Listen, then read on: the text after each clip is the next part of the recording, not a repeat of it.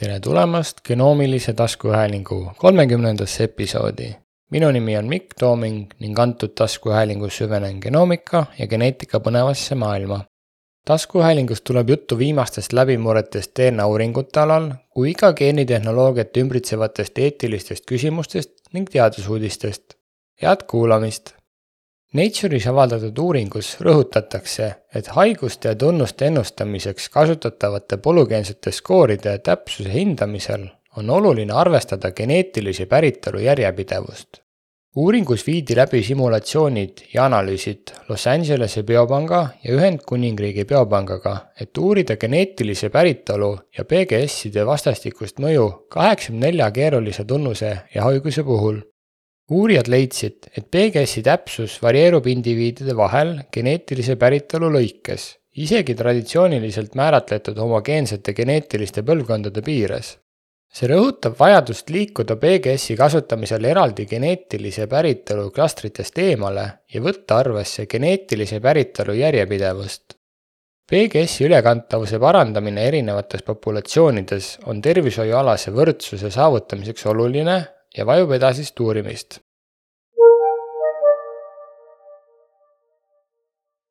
saksa teadlased viisid läbi päriliku rinna- ja munasarjavähi ehk HBOC hiduliini testimise retrospektiivse analüüsi, keskendudes kuue tuhande üheksasaja neljakümne ühele isikule, kes vastasid HBOC geneetilise testimise kriteeriumitele uuringus, mis avaldati ajakirjas European Journal of Human Genetics, kasutati Illumina paneelide sekveneerimist et otsida riskantseid iduliini variante saja kahekümne kolmes vähiga seotud geenis. analüüs näitas patogeenseid variante, tõenäoliselt patogeenseid variante või ebakindla tähtsusega variante peaaegu kahekümne ühel protsendil testitud isikutest. teadlased tuvastasid neliteist päriliku rinna- ja munasarja vähiga seotud riskigeeni tuumikkomplekti ja võrdlesid neid mitme siseriiklikult või rahvusvaheliselt kasutatava geenipaneeliga Nende geenipaneelide diagnostiline saagis ulatus patogeensete või tõenäoliselt patogeensete variantide tuvastamisel seitsme koma kaheksast kuni kümne koma kaheksa protsendini.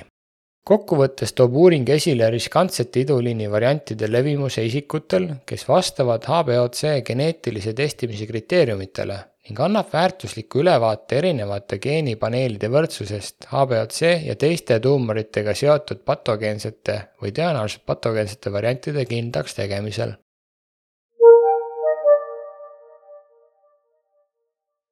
Massachusettsi üldhaigla poolt läbi viidud uus uuring on tuvastanud võimaliku ravimeetodi fragiilse X-i sündroomi puhul, mis on autismispektri häirete peamine põhjus teadlased avastasid, et rakkude DNA remondimehhanismide stimuleerimine võib potentsiaalselt parandada pärilikke geneetilisi defekti, mis on seotud fragiilse X-i sündroomiga.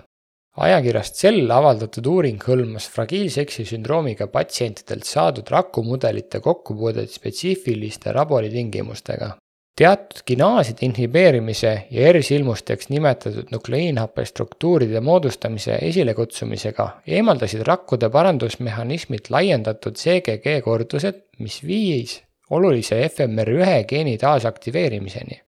Teadlased kavatsevad antud tehnoloogiat täiendavalt uurida patsientide neuronite ja loomamudelite puhul, et uurida selle potentsiaali fragiilse X-i sündroomi ravimisel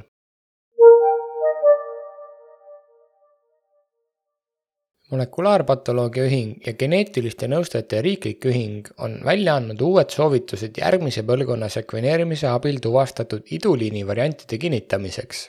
Ajakirjas Journal of Molecular Diagnostics avaldatud suuniste eesmärk on standardiseerida tavasid ja vähendada valepositiivsetest tulemustest teavitamist.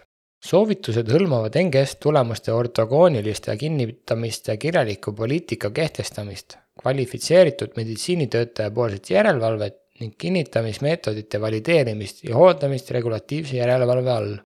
Laborid peaksid olema valmis andma taotluse korral teavet oma kriteeriumite ja meetodite kohta ning tegema kliiniliste testide aruannetes kokkuvõtte oma kinnitamispoliitikast. suunistes rõhutatakse ka, et lahknevuse korral on oluline edasine uuring, mitte ainult alg- või kinnitava analüüsile tuginemine ühingud kavatsevad suuniseid läbi vaadata ja ajakohastada, kui NGS-i meetodid ja bioinformaatika arenevad edasi.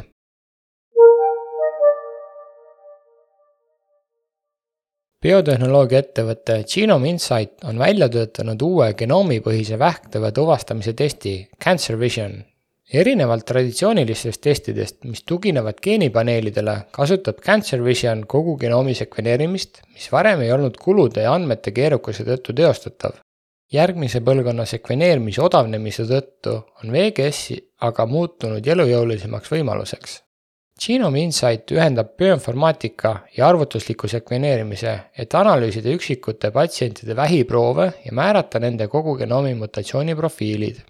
Genome Insighti tegevjuhi Yihi Suhi sõnul on VGS-i eelised geenipaneelide ees selle avastamispõhine lähenemine, mis ei nõua eelnevat hüpoteesi, võime tuvastada keerulisi mutatsioone ja struktuurseid variante, somaatiliste ja pärilike mutatsioonide eristamine ning võime tuvastada mutatsiooni signatuurid või mustrid. erinevalt praegustest geenipaneelidest, mis keskenduvad tavalistele vähivormidele ja jätavad tähelepanuta vähi hilisema staadiumi geenid, võimaldab VGS põhjalikku analüüsi eri tüüpi vähivormide, ka sealhulgas haruldaste vormide puhul. lisaks ei pea arstid valima paneeli, mis muudab testimise protsessi neil lihtsamaks Genome Insighti eesmärk on pakkuda Cancer Visioni jaoks kahenädalast valmimise aega, kusjuures maksumus ei ületa kahte tuhandet dollarit patsiendi kohta. pärast Cancer Visioni plaanib ettevõte laiendada oma testimist teistele genoomipõhistele ravivaldkondadele, sealhulgas haruslastele haigustele. hiljuti esitlesid nad vähiuuringute konverentsil andmeid, näidates konkreetsete geneetiliste mutatsioonide analüüsi näiteks rinnavähi puhul. Genome Insight kasutab hetkel Illumina sekvenaatoreid, kuid on teatanud koostööst Ultima Genomicsiga. kuigi neil ei ole veel Ultima Genomicsi sekveneerimisplatvormi oma San Diego peakontoris, loodavad nad selle saabumist aasta teises kvartalis. vahepeal teevad need kaks ettevõtet koostööd vähktõveprogrammi väljatöötamisel, kusjuures Ultima Genomics töötab Genome Insighti proove ettevõttesiseselt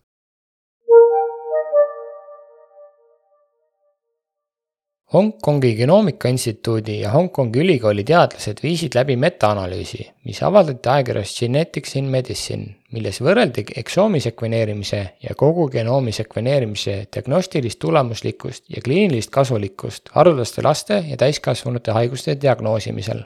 analüüsis uuriti andmeid enam kui viiekümne tuhandet juhtumi kohta, millest teatati saja kuuekümne ühes uuringus, mis avaldati aastatel vahemikus kaks tuhat üksteist kuni kaks tuhat kakskümmend üks kuigi uuringus leiti VES-i ja VGS-i vahel võrreldavad määrad ebakindla tähtsusega variantide ja ülddiagnostiliste määrade vahel, näitas seega VGS-i põhinevate diagnooside arvu suurenemist konkreetsetes kohortides ja näitas VGS-i suuremat kliinilist kasulikkust. autorid jõudsid järeldusele, et VGS on kliiniliselt kasulikum kui VES ning rõhutasid oma metaanalüüsi tähtsust, mis näitab, et kahe sekveneerimismeetodi diagnoosimäärad on sarnased autorid eeldavad, et VGS-i hakatakse kliinilistes tingimustes laialdasemalt kasutama tänu hiljuti avaldatud soovitustele genoomi mittekodeerivate piirkondade variantide kliinilise tõlgendamise kohta, samuti VGS-i kulude vähenemisele ja VUS-ide vähenemise suundumusele käesolev metaanalüüs annab olulise ajakohastatud ülevaate VES-i ja VGS-i diagnostiliste määrade ja kliinilise kasulikkuse kohta, mis toetab VGS-i võimalikku laiemat kasutuselevõttu kliinilises praktikas. Saksa kohus on teinud GenX Genomicsile alalise ettekirjutuse Nanostring Technology ja selle Saksamaa tütarettevõtte vastu mille kohustab neid lõpetama Cosmic Spatial Molecular Imaging'i seadme ja RNA tuvastamise reaktiivide müügi Saksamaal. kohus otsustas, et Cosmics tooted rikuvad Tenix Genomicsi Euroopa patenti, mis hõlmab analüütide in situ tuvastamist. Nanostringi aktsia langes selle uudise peale seitseteist protsenti. Tenix Genomics on kaevanud Nanostringi kohtusse ka USA-s, väites, et see rikub patente ja taotleb Cosmicsi müügi keelamist Nanostring kavatseb otsuse edasi kaevata ja vaidlustab jätkuvalt Euroopa patentide kehtivuse. Tenix Genomics pakub Nanostringile klientidele, kes tellisid Cosmicsi enne seitsmeteistkümnendat maid soodustust oma konkureerivat tootele Xeniumile.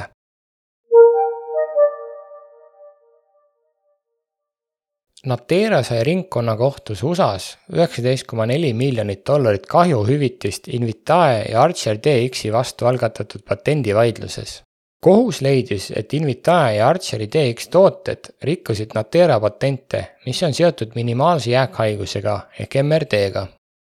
Natera taotles algselt kolmkümmend kaheksa miljoni USA dollari suurust kahju ja esitas hagi Archer DX-i vastu kahe tuhande kahekümnendal aastal, laiendades seda hiljem täiendavate patentide lisamiseks.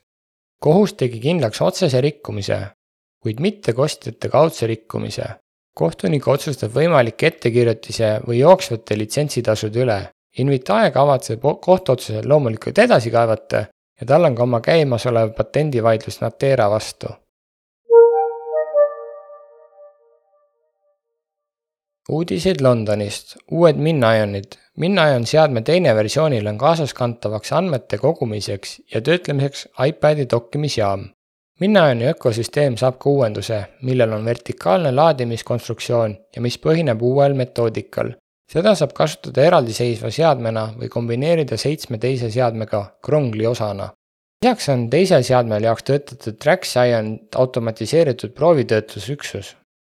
Prometioni odavam hind Prometioni seadme hinnad on vähendatud kolmkümmend protsenti ning Flowcellide hinnad on nüüd üheksasada dollarit see langetab Oxford Nanopori gigabaasi maksumust umbes kümnele dollarile. Oxford Nanopori eesmärk on veelgi vähendada hinda kahe kuni kolme dollari gigabaasi kohta, kui platvorm saavutab oma täieliku kolmesaja gigabaasi võimsuse. Nad tutvustasid ka oma uut B2i instrumenti, mis on uuendatud versioon integreeritud ekraani ja pardarvutiga, mis on ka varsti saadaval lisaks on nende eesmärk pakkuda nii lühikese kui ka pika lugemisega sekveneerimist samal odaval platvormil, kõrvaldades vajaduse mitme platvormi ja ettevalmistusmeetodi järele. lisaks nad on parandanud ka kvaliteeti ja läbilaskevõimet.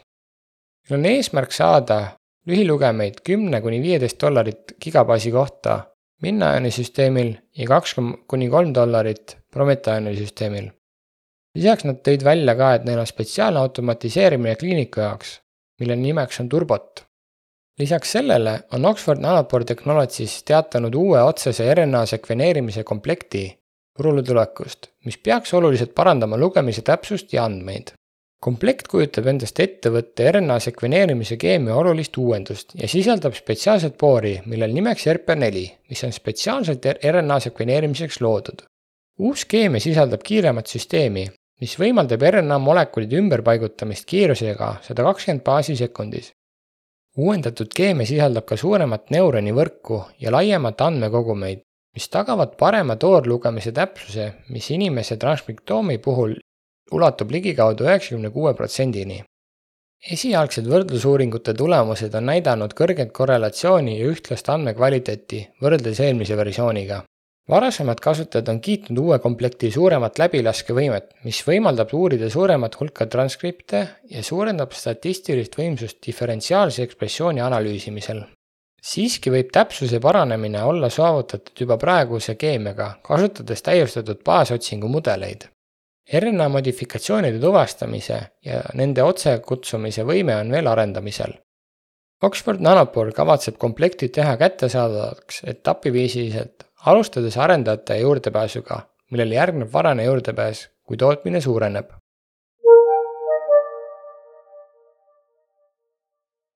Amazon Web Services ehk AWS on tutvustanud uusi funktsioone oma Amazon Omics teenusele, mille eesmärk on hõlbustada genoomiliste andmete salvestamist, päringuid ja analüüsi bioinformaatikutele ja biomeditsiiniteadlastele uute võimaluste hulka kuuluvad valmis töövood nimega Ready to Run, graafiliste protsessiühikute toetus, nende andmete otsene üleslaadimine API-de kaudu ning sujuvam variantide päring, analüüs. Ready to Run töövood koosnevad kommertspartnerite ja avatud lähtekoodiga rakendustest, mis võimaldavad kasutajatel teha genoomi analüüse ühe API kõne abil integratsioon AWS-i järjestuskaupluste ja Amazon Eventbridge'i võimaldab sujuvat töövoogude sündmuste ülekandmist AWS-i teenuste ja kolmandate osapoolte rakenduste vahel. Amazon Omics integreerub ka Amazon SageMakeriga, mis on masinõppeteenuse platvorm. teenus on leidnud kõlapinda selliste ettevõtete seas nagu Gilead Sciences, kuuluv Kite Pharma, Columbia University Medical Center ja Fure Diagnostics graafikakaarte, mida kasutatakse, on Nvidia T4 ja A10G riistvara tugi ning pakub ka suuremaid arvutusvõimalusi. kliendid saavad kasutada GPU-sid nii Amazonomics'i töövoogude kui ka oma töövoogude jaoks. Philadelphia lastehaiglal on olnud Amazonomics'i varane beeta versiooni kasutaja ning on leidnud, et see on kasulik andmete haldamisel ja töövoogude skaleeritavuse seisukohalt, eriti selliste hallatavate teenuste puhul nagu katk. Üldiselt on Amazonomicsi uute funktsioonide eesmärk suurendada genoomiliste andmete analüüsi lihtsust, tõhusust ja prognoositavust teadlaste ja bioinformaatikute jaoks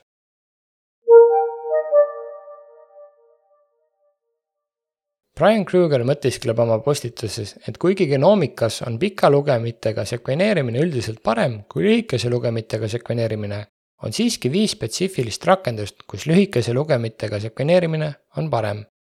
Eksoomi sekveneerimine. lühikese lugemisega sekveneerimine on ideaalne geenide sihitud sekveneerimiseks või täieliku eksoomi sekveneerimiseks, sest enamik geenide kodeerivaid piirkondi ehk eksonid on umbes kakssada aluspaari lühikesed lugemissagedused püüavad neid järjestusi tõhusalt, ilma et nad raiskaks sekveneerimisressursse genoomi intronidele või transleerimata piirkondadele. lühikese lugemisega sekveneerimine sobib kasvajate poolt vereringesse sattunud DNA fragmentide analüüsimiseks. Need fragmendid on tavaliselt lühikesed, vahemikus sada viiskümmend kuni kakssada aluspaari, mistõttu sobivad hästi lühilugemite sekveneerimise meetodid. sarnaselt ZDNA-le saadakse CFDNA-d normaalsetest rakkudest, mitte kasvajatest. seda kasutatakse tavaliselt mitteinvasiivsetes sünnieelsetes testides, et avastada kromosoomi anomaaliaid lootel raseduse varases staadiumis. FFP proovid, mis on parafiini sisse põimitud konserveeritud koeproovid, kujutavad endast DNA ekstraheerimisel probleeme, mis tulenevad fragmenteerimisest lühikese lugemisega sekveneerimismeetodid toimivad hästi fragmenteerunud DNA-ga, mistõttu sobivad need FFP proovide jaoks ideaalselt. lisaks sellele on lühikeste lugemistega sekveneerimine tõhus suure läbilaskevõimega mitmekordse loendamise ülesannete täitmiseks. seda saab kasutada mitmesuguste loendamisrakenduste jaoks, näiteks järjestusmärgiste loendamiseks proteoomikas, RNA ekspressiooni profiilide koostamiseks, bakterite või mikroobide kogukonna profiilide koostamiseks perekonna tasandil diferentseeritud metülatsiooni analüüsiks, kromosoomide loendamiseks, näiteks mitteinvasiivsetes testides, ja epigeneetiliste profiilide koostamiseks. kui kliiniliste genoomide ja transkriptoomide puhul eelistatakse pika lugejaga sekveneerimist, on lühikese lugejaga sekveneerimisel jätkuvalt oma koht nende viie spetsiifilise rakenduste puhul. Lisaks sellele on lühikeste lugemitega sekveneerimine ka veel palju odavam kui pika lugemitega sekveneerimine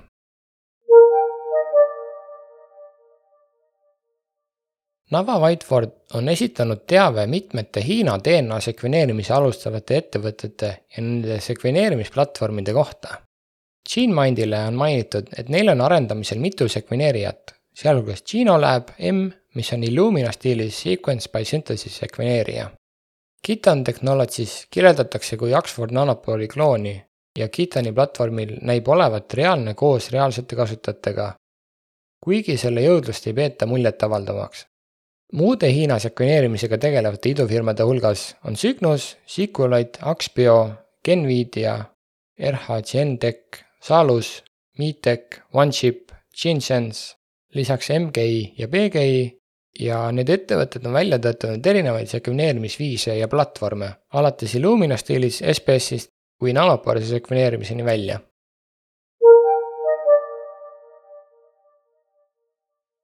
kui märkasid mul huvitavat uudist või sul on küsimusi, saad mulle kirjutada genoomiline at gmail.com. leiad mind ka Instagramist. tänan, et olid minuga ja head sekveneerimist!